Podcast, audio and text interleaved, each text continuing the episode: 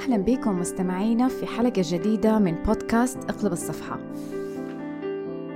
هل تتذكر متى آخر مرة أخذت فيها إجازة؟ هل تشعر أنك صرت تقعد في مكان العمل أكثر من البيت؟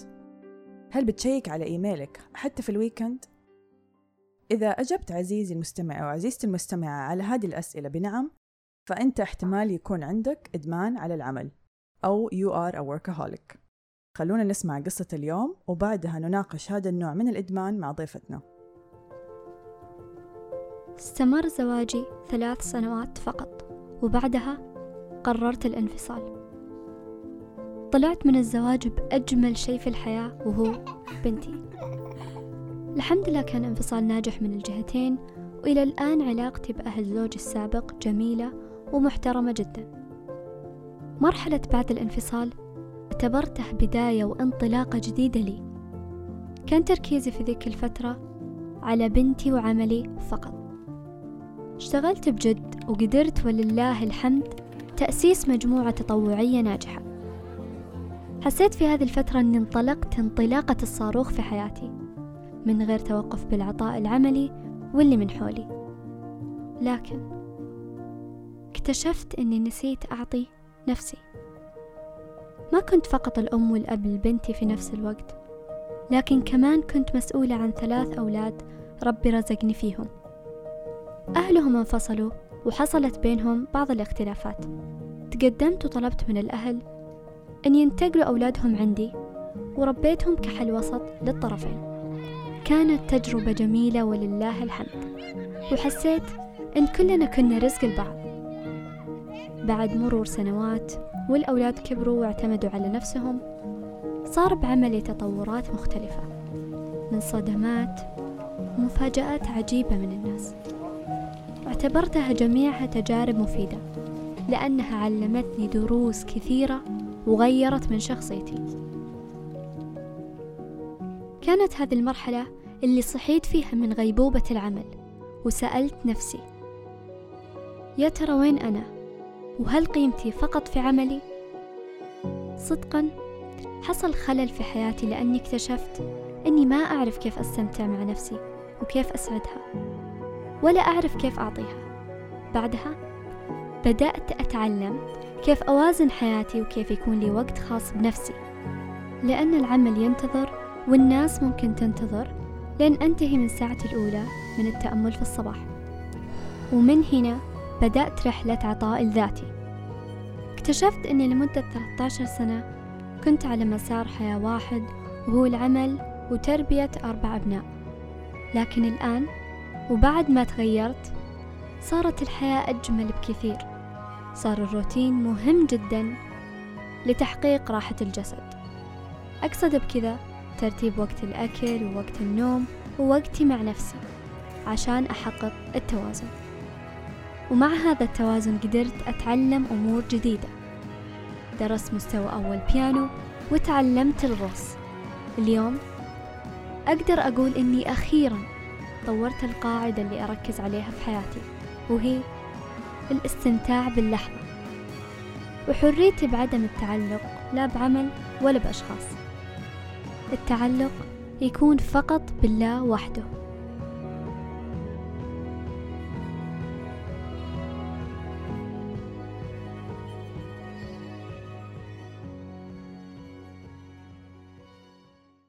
ضيفتنا اليوم هي الأستاذة همسة مطبقاني. همسة تعمل في تطوير وإدارة مشاريع وتطوير محتوى تقدم ورش عمل في الذكاء العاطفي واستشارات في المفاهيم التربوية The Mom Coach وكاتبة قصص أطفال ومساعدة غوص. نرحب بك يا همسة معنا اليوم. أهلين كيف حالكم؟ الحمد لله, الحمد لله. شكرا همسة لتلبية الدعوة عفوا بالعكس شكرا لكم من زمان نفسنا نستضيفك معنا في البرنامج وأنا أتحمس أول ما كلمتيني أهلا وسهلا فيكي همسة مفهوم الوركهوليزم أو الإدمان على العمل إيش يعني أصلا هذا الشيء؟ تعتقدي إيش إيش تعريفه؟ طبعا لما يكون يعني كل عالمك عبارة عن عمل زي ما قلت في البداية إنك آه، كل ما رحتي أي مكان بتشيكي على إيميلك آه، بتتابعي جروبات الواتساب حقت الشغل آه، رحتي إجازة بتشيكي برضو على إيميلك ما بتفصلي. الفصل هذا مو موجود أساسا. فهو ده الإنسان الإدمان وكمان حينعزل تماما. يعني ما عنده في حياته غير نوم وعمل فقط لا غير. وطبعا ينسى الأشياء كلها حياته الشخصية الناس اللي حوالينه التزامات اجتماعية. طبعا كل شيء يعني ينعزل يصير متقوقع. يعني متقوقع بالكامل إنه حياته مجال حياته كلها يعني مح- ومحيطه كله مجال العمل فقط. وهذا بحسسه بقيمته مرة كتير. آه كنت خلال بحث آه كنت بعمل بحث عن موضوع حلقتنا اليوم وقريت يعني معلومات بصراحة جديدة كانت بالنسبة لي. آه طلع أصلا في مقياس بيقيسوا فيها الإدمان على العمل. آه اسمه Bergen أظن إذا ماني غلطانة. Bergen Work Addiction Scale أو مقياس Bergen للإدمان على العمل. وفي دول أوروبية طبقوا هذا المقياس آه وطلع عندهم نسبة ال- الناس اللي من الشعب اللي مدمن على العمل من 7 إلى 8% هذا في بعض دول أوروبا. وفي أمريكا متوقعين النسبة ممكن توصل ل 10% تتوقع قديش عندنا في السعودية؟ كثير كثير؟ أعتقد. أكثر من 10%؟ يمكن الناس عشان إنه عمل فيعني لوجيكلي كده إنه طب شيء كويس. بس أعتقد إيش حقون شرق آسيا أعلى مننا. عشان اليابانيين. صح. صح ممكن. أي. كمان شيء تاني قريته آم، لفت نظري. يقول لك إنه الإدمان على العمل مختلف عن الإدمان أنواع الإدمان التانية. زي الإدمان على الكحول ولا المخدرات ولا الأشياء التانية ليه؟ لأنه العواقب حقته أعلى. ما هي أيوه بس ما هي سلبية. الإنسان يفكر إنه مم. عواقبه إيجابية. فبالعكس أنا بسوي شيء كويس. أنا بشتغل أكثر أنا بجيب فلوس أكثر مثلا أنا بنجز أو لكن العواقب السلبية حقته ما تبان صح. غير بعدين. فزي الإدمان على الرياضة مثلا. فنفس نفسه نوع الإدمان. عشان كده كأنه الإنسان بيبرر لنفسه نوع الإدمان هذا. صحيح. خاصة لو كان يعني الإدمان عبارة في داخله إنه عبارة عن هرب. هرب من مسؤولية هرب من مشاكل أو مثلا أو هرب كمان حتى إنه يواجه نفسه. فالعمل هو زي ما يقولوا الغطاء حقه. فلما مثلا يطلبوا منه أشياء سواء أسرته أو مثلا تعال أحضر مناسبة اجتماعية لا أنا مشغول أنا مشغول. فدائما حجته العمل. وحقيقة لازم يجلس مع نفسه ويعرف أساسا حقيقة مشاعره. ليش هو عنده إدمان؟ صح إيش الشيء اللي بيهرب منه؟ بالضبط. إحنا تكلمنا في الحلقة 25 عن التشافي وتكلمنا قد إيش هو مهم ال- الشخص اللي بي يعني إنه يعيش يعيش المشاعر حقته. فممكن فعلا يكون ال ال الهروب يعني واحدة من طرق الهروب عنده إنه يلجأ للعمل. آه، فهو بالتالي ما ما يبغى يعيش المشاعر برضو اللي بيمر فيها من ألم من حسرة من whatever. وبعض الناس كمان العمل عبارة عن غذاء لقيمتهم. يعني ما يحس بقيمته إلا إذا اشتغل. فعشان كده إذا إحنا ارتكزنا فقط على العمل وتخيلوا يوم من الأيام راح منه العمل حينهار حيصيره صدمة. لأنه تعريفه لنفسه إنه أنا بقيمته أيوة، بعمله. بالضبط. فعشان كده لازم هو يساعد نفسه بس أول شيء لازم يكتشف داخله يعني يدخل داخل نفسه ليش هو بيشتغل كتير. إيش اللي بيهرب منه أو إيش طبيعة المشاعر اللي هو بياخدها من العمل. وإيش مجال حياته كلها حوالينا. همسة كيف يعرف الشخص إنه وصل إلى مرحلة إدمان على العمل؟ هو طبعا أول ما يبدأ يشتغل ما حي... ما حيدمن على طول وحيكون مرة يعني اوفر بس هل في مؤشرات تدل على إنه هو هذا الشخص متجه إلى إنه إلى الإدمان؟ طبعا أول شيء يعني أتمنى قبل ما يوقع أساسا الإنسان يكون عنده وعي بذاته. يعني سواء الشباب ولا البنات لما يخرجوا مثلا بيتخرجوا من الجامعة مرة متحمسين ويلا وأبى أشتغل وأبى أثبت ذاتي وما أعرف مين. أيوة مرة حلو. بس كل ما يكون عندنا في المرحلة الأولى الوعي هذا حيقدر يتداركه. بس لو دخل وغاص يعني يا إنه يجي شيء من ربنا كده يصحيه صح. أو تجيله صدمة ويطيح فيها عشان يفهم إيش اللي حاصل له. فالوعي ثم الوعي يعني كل ما زاد الوعي كل ما حيفهم. ولما الوعي كده حيستوقف نفسه ولما يستوقف نفسه حيفكر طبيعة مشاعره زي ما قلنا سابقا وكمان حيعرف إنه إيش الخطوة الثانية لأنه أول شيء لازم الاعتراف بالمشكلة. صح. فالاعتراف إنه أنا مدمن هنا تبدأ تظهر الحلول. فهنا الوعي مهم. أعتقد كمان المجتمع اللي حوالينه يعني للأسف في مجتمعات وحتى عوائل لما تشوف ولدها وبنتها منهمكين في الشغل يشجعوهم إيوه أحسن له كويس. يا فاذا كان في أحد حوالينا يمكن يوعينا على هذا الشيء. أو أحد يكون عدى بهذه المرحلة قبله ويقول لا إنه انتبه ترى أنت ماشي غلط. بس أهم شيء في أسلوب يعني واحد يتكلم معاه بس أما لما واحد يشوفه أنت بس بتشتغل ليل ونهار ما. بتشوفنا أيوه ما يعني هو حيكش زيادة ولا هي حتكش زيادة. يمكن بالذات البنات عندهم تحسس آه أنت بي أنت ما تبغيني أنجح أنت ما أعرف مين. فالبنات عندهم حساسية. بس لازم نجيهم بطريقة مختلفة. يعني بطريقة مثلا أوكي ليه ما تخرجي معانا؟ ليش ما تسوي حاجة مختلفة؟ تقترحي لها تشاركيها؟ هذه الطرق بس لما تتهاجمي ما ينفع.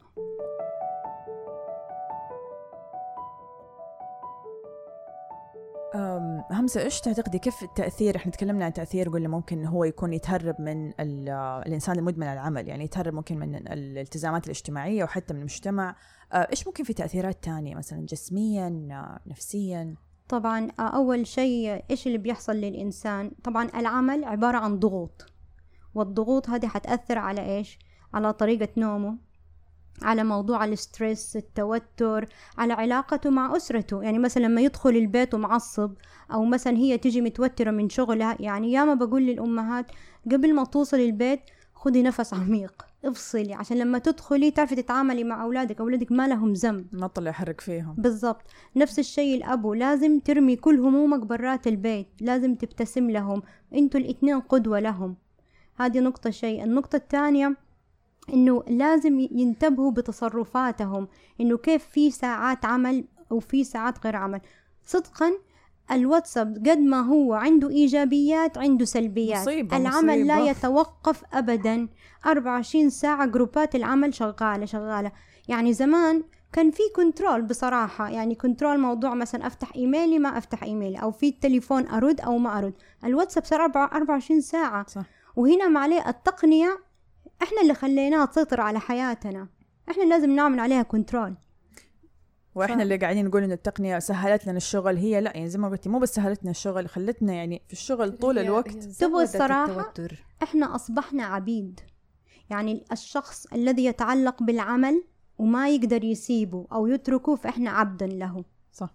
في ناس بينهاروا نفسيا لما يتركوا العمل اللي هم يحبوه وما يلاقوا شيء أو يخسروا في ال business حقهم ينهاروا نفسيا لأن هم تعلقوا. فأنت لما تتعلق معنا أنت استعبدت. فلازم نكون إحنا أحرار ما نستعبد من عمل. نفس الشيء عشان أنت تتأكد إنه أنت منك يعني لا الكحول في, الور... في العمل ولا إنه مثلا العمل أنت كل شوية بتطل في الإيميل. لأنه بصراحة زي الوسوسة عندك إنه كل شوية بنفتح الجوال جاء مسج جانا إيميل هذا اسمه استعباد. فلازم نتحرر وإحنا لازم يكون عندنا قوة إرادة داخلية إنه إحنا نقول وقفوا يكفي. هذا إذا إحنا بنحب نفسنا.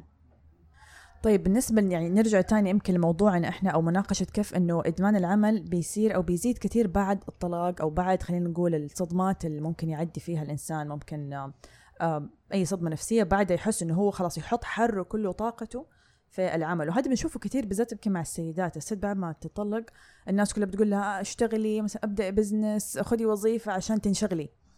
ف وبعدين فجأة بنلاقيها سنة سنتين ثلاثة دخلت في الإدمان هذا. ف ما أعرف كيف من خبرتك همسة أو من تجربتك. إيش إيش رأيك في هذا الموضوع؟ طيب آه بالنسبة للإنسان بعد ما ينفصل آه لازم برضو يعرف نفسه. هل هو بيهرب من الماضي؟ هل هو بيهرب من مواجهة أهله والمجتمع عشانه مطلق؟ فهو قاعد يهرب لمجال الشغل ولا قاعد مثلا شمر عشان إيش؟ يعوض السنوات اللي راحت منه ويبغى ينجز وينجز ويعمل أشياء مرة كويسة. فلازم أول شيء يعرف السبب. إن كان في سبب هروب لا لازم يجلس وي- ويعني يواجه نفسه ويواجه مشاعره. لازم يعمل تنظيف للمشاعر حقته. في الذكاء العاطفي يقولك لازم تعبري عن مشاعرك لازم تع... يعني تعملي إيش؟ فلترة لطبقات المشاعر حقتك. يعني إحنا مثلا عندها مشاعر مثلا الغضب فهي عندها غضب. طيب لما تعمل فلترة وتنزل تنزل تحت حتلاقي آه تحت الغضب في خوف. يمكن هي خايفة من المستقبل فعشان كده قاعدة تجري تجري تجري وت- وتبغى تنجز وهذا. فلازم تعرف إيش طبيعة الخوف إيش طبيعة المشاعر. دول الناس اللي بيهربوا. أما الناس اللي بسرعة تبغى تنجز وخايفة إنه يروح عليها ودي الأشياء استني. ويمكن ده أنا اللي حصل لي. يلا شمرت وانطلقت وما في أحد وقفني. وبصراحة يعني يعني في أ- أيام حلوة صح وإيجابية وأمور بس اتعلمت درس مرة حلو إنه الإنسان حقيقة قيمته هو مع ذاته وليس في عمله فقط. فبالتالي لازم توزع حياتك على أشياء مختلفة يعني اعتبروها زي الطاولة المستديرة وفيها يعني أعمدة كثيرة تحتها. العمود اللي تحت أسرتك آه، أولادك ذاتك نفسها وجزء منه طبعا عملك آه، في أشياء تانية في الحياة مثلا آه، تتطوعي. عشان لو تخلخل أي جزء من هذه الأعمدة فيها حيكون عندك توازن في حياتك. فحيختل التوازن. بالضبط. لأنه يعني أنا بقول لك شفت ناس خرجوا من أعمالهم وهم حتى يعني بعد ما انفصلوا كمان خرجوا من أعمالهم مرة حياتهم انهارت لدرجة إنه متأثرين نفسيا وصدقيني مهما دخلوا من وظيفة لوظيفة يعني لسه متعلقين بالماضي فلا تتعلقوا. هي كمان أعتقد يعني آه إنه هي تبغى تحاسن مثلا ممكن تكون فشلت أو الرجال ممكن يكون فشل في زواجه فيبغى يعوض هذا الشيء إنه ترى شوفوا يعني كأنه بيثبت للناس أنا ماني فاشل أنا مثلا سويت business ونجح وأنا أخذت وظيفة وأثبت نفسي فيها. يعني أحس هذا اللي بيصير شوية اللخبطة وال confusion إنه زي ما قلتي إذا الواحد ما هو واعي إنه أنا بالضبط أنا إيش أبغى وأنا مين أنا إيش احتياجاتي مرة سهل إنه هو يدخل في هذه الدوامة. صح وأنا دائما أقول إنه أي أحد يعني يقع في صدمات سواء عاطفية مالية قبل ما يروح لمرحلة جديدة نظف نظف تماما عشان أنت تخلق طاقة جديدة وتنطلق في الحياة. لأنه الصدمة القديمة إذا ما نظفتيها ورحت انطلقتي إذا جاتك صدمة تانية جديدة حتطيحك حتنهاري. بالضبط. لأنها كلها عبارة عن تراكمات.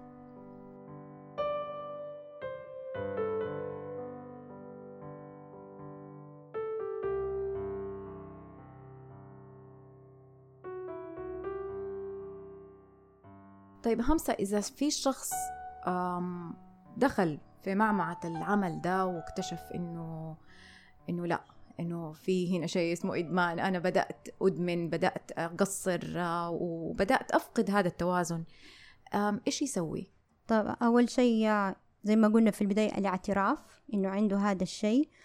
اثنين يجلس مع نفسه يبدأ يرتب حياته.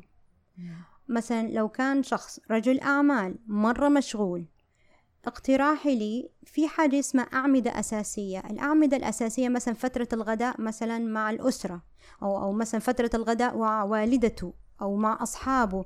آه، موضوع لعب الرياضة وقت نومه. هذه يعملها أعمدة أساسية في وقت محدد. وحوالينها يعمل مواعيد. اجتماعاته خرجاته إيوه. يعني مثلا لو لو مثلا الغداء قال الساعة 2 مع والدتي. أو هي نفس الشيء أو مع أو أولادها. بعدين جاء أحد قال لها يلا نبغى نخرج الساعة 2 تقول أم سوري أنا ما أبغى أخرج هذا موعد غدايا ترى الروتين الصغير أحيانا مفيد مو أحيانا يفرق. هو مفيد صح. أساسا. هذه نقطة. الشيء الثاني غير إنه يحدد هذه الأشياء لازم يجلس مع نفسه يقول أنا بتعلم مهارات جديدة. مهارات يعني تضيف لي في حياتي. فيشوف أشياء جديدة يكتشف العالم. مو العالم إنه لازم أسافر لا مثلا يركب خيل يتعلم تصوير ياخد مهارات جديدة عشان تساعده إنه يشوف حياة مختلفة حتى عقله حيرتاح. فكبداية بداية أول شيء يظبط آه، الاعتراف. اثنين يظبط مواعيد أكله نومه. وبعدين أول ما يصحى بدل يقوموا على طول طخ طخ طخ ويروحوا الدوام لو يعملوا ساعة أو نص ساعة لنفسهم. يا يقرأوا فيها كتاب يعملوا meditation يدلعوا نفسهم ساعة الدلع يسموها. وأنا بصراحة هذه الساعة أنا ما أتنازل عنها أبدا. يعني حتى الناس مثلا يقولوا لي نخرج نفطر كده أقول لهم لا عندي ساعة ما ما أقدر كل يوم مستمر عليها؟ أيوة أجلس ألون أسمع music يعني هذه شيء ساعة حقتي. هذا الشيء. في ثلاثة أمور تقدر تساعدكم كمان إنه تخرجوا من هذا الإدمان وبيخلق الموضوع التوازن. أول شيء اللعب العبوا. حقيقي ما تقولوا أنا كبرت ليش ألعب؟ عندك بازل عندك ليجو آه، ألعاب البلاي ستيشن العبوا. اللعب بيزيد من السعادة بيزيد من الشغف بيزيد من الإبداع. ما صح. ما تستهونوا. لا تقولوا بجد أنا مرة أتضايق لما حد يقول لي أنا كبرت. لا من كبير؟ إيش مين قال إنه من كلنا شباب كبير. يعني الرقم أي والله الرقم لا يحكم. يعني العبي عقلك محتاج إنك تلعبي عشان في منطقة في الدماغ هو محتاجها. ألعبوا مع أطفالكم. يعني الأطفال هم أكثر يعني مصدر للإلهام للعب لما الواحد بالضبط يلعب وإذا ما. عندك أطفال اخلق لعبة في ألعاب كثيرة. فاللعب. الشيء الثاني التواصل الاجتماعي. التواصل الاجتماعي اللي بتكلم فيه اللي مو أخرج بس أسلم وأعمل علاقات عمل لا.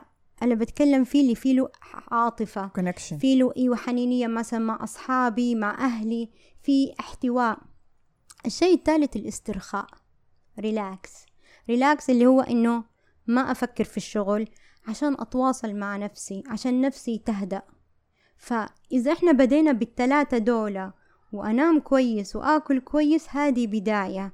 ولازم تحاولوا إنه تقولوا لأ لنفسكم. صراحة الإنسان اللي ما يعرف يقول يعني لأ لنفسه فهو ضعيف. مرة صعب. يعني حتى أذكر آم، في آية مرة جميلة ما أعرف إذا حقولها صح ولا غلط في سورة مريم لما ربنا أمر آه، مريم إنه هي وهي حامل. إيش قال لها هزي. إليك بجذع النخلة. بالضبط. طب هو ربنا يقدر ينزل ال- ال- ال- التمر كله بس هذه رسالة لنا إنه حتى لو أنت ضعيفة وهذا لازم تبذلي جهد. خذي بالأسباب. بالضبط. فإحنا لازم نبذل جهد ولازم نعرف صدقوا لما إحنا نتصالح مع نفسنا حنحب نفسنا فحنقدر ندي نفسنا لأنه نستحق. بس طالما إحنا ما نحب نفسنا فإحنا شايفين ما نستحق إنه إحنا ننمي نفسنا داخليا. صح.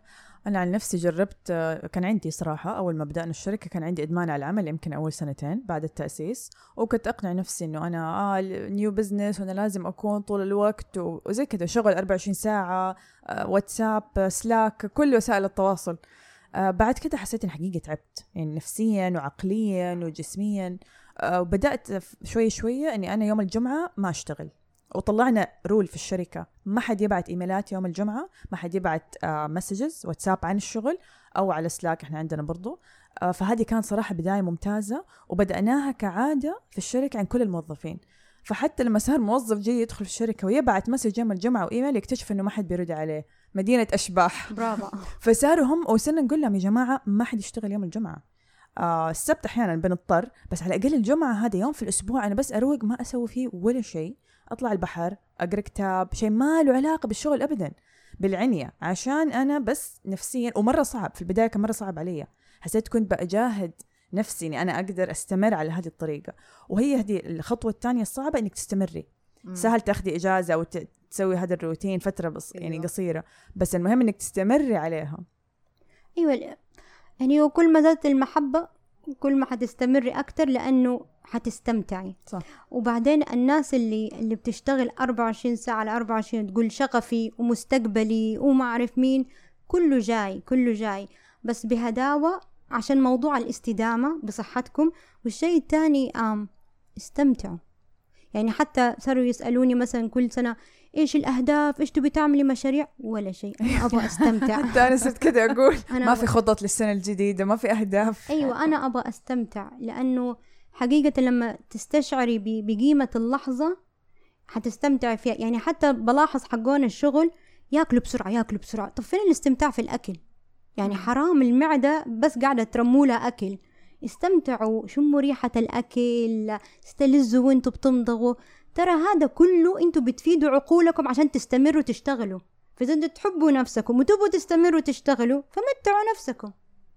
وبعدين في الخيار اللي هو يعني إذا أنا موظف بدوام كامل um, I can always يعني um, negotiate يعني وأتفاوض على إنه مثلا أقلل ساعات العمل آه، أو إني أشتغل part time أو freelance فهذه كل ال options أو أخذ إجازة كل فترة. يعني اكتشفوا كثير ناس. إنه ما بياخذوا إجازات. يعني بتيجي توصل آخر السنة والناس ما بتخلص رصيد الاجازات حقها لأنه بينسوا. بيستنوا بس؟ للصيف مثلا أو بيستنوا لأنه للأعياد. لأنه ما ما يعرفوا إيش يسووا من غير شغل صح. لأنه لو جلسوا يعني أنا أقول لهم فوبيا الفراغ. حلوة دي.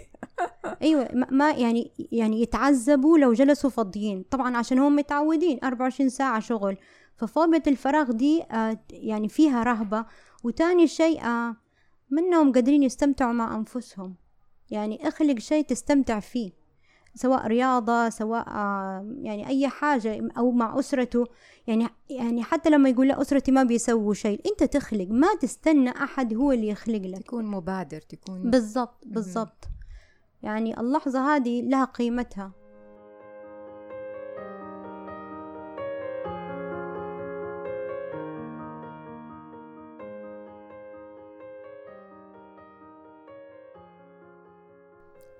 آه خلصت الكلام. همسة إيش تدينا كذا الخلاصة؟ نصيحة يمكن. اجلسوا مع نفسكم. خذوا نفس عميق جدا وخوضوا كده في داخلكم. ورتبوا حياتكم من أول وجديد و... وأوزنوا حياتكم عشان تستمروا تشتغلوا وتنجزوا. وحقيقي النجاح مو بس نجاح العمل أبدا. في نجاح العلاقات نجاح إنك تكتسبي مهارة جديدة نجاح إنك تضحكي. هذا بحد ذاته نجاح. يعني الناس تجينا في الأخير بيقولوا لنا أنا ما أنجزت شيء. كيف ما أنجزتي شيء؟ والله. أقول ما ولا شيء ولا طبختي حاجة ولا, ولا كلمتي فلانة إلا كلمت أمي. هذا إنجاز. إني كل... والله. ما ما ما, أنهم قادرين يقدروا الأشياء الصغيرة. لأنهم دائما في أشياء كبيرة. وهذا اللي بيخرب المتعة في حياتنا خاصة مع عالم السرعة. فإنجوي.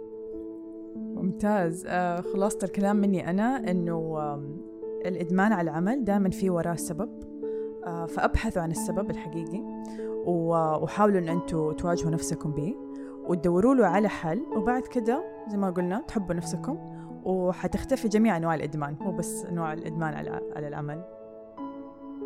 نشكرك همسة على وجودك اليوم معنا في نهاية هذه الحلقة آه، نحب نسمع رأي المستمعين وإذا كان عندكم أي ملاحظات أو أي مشاركات رجاء تواصلوا معنا على الإيميل info كوم أو على وسائل التواصل الاجتماعي.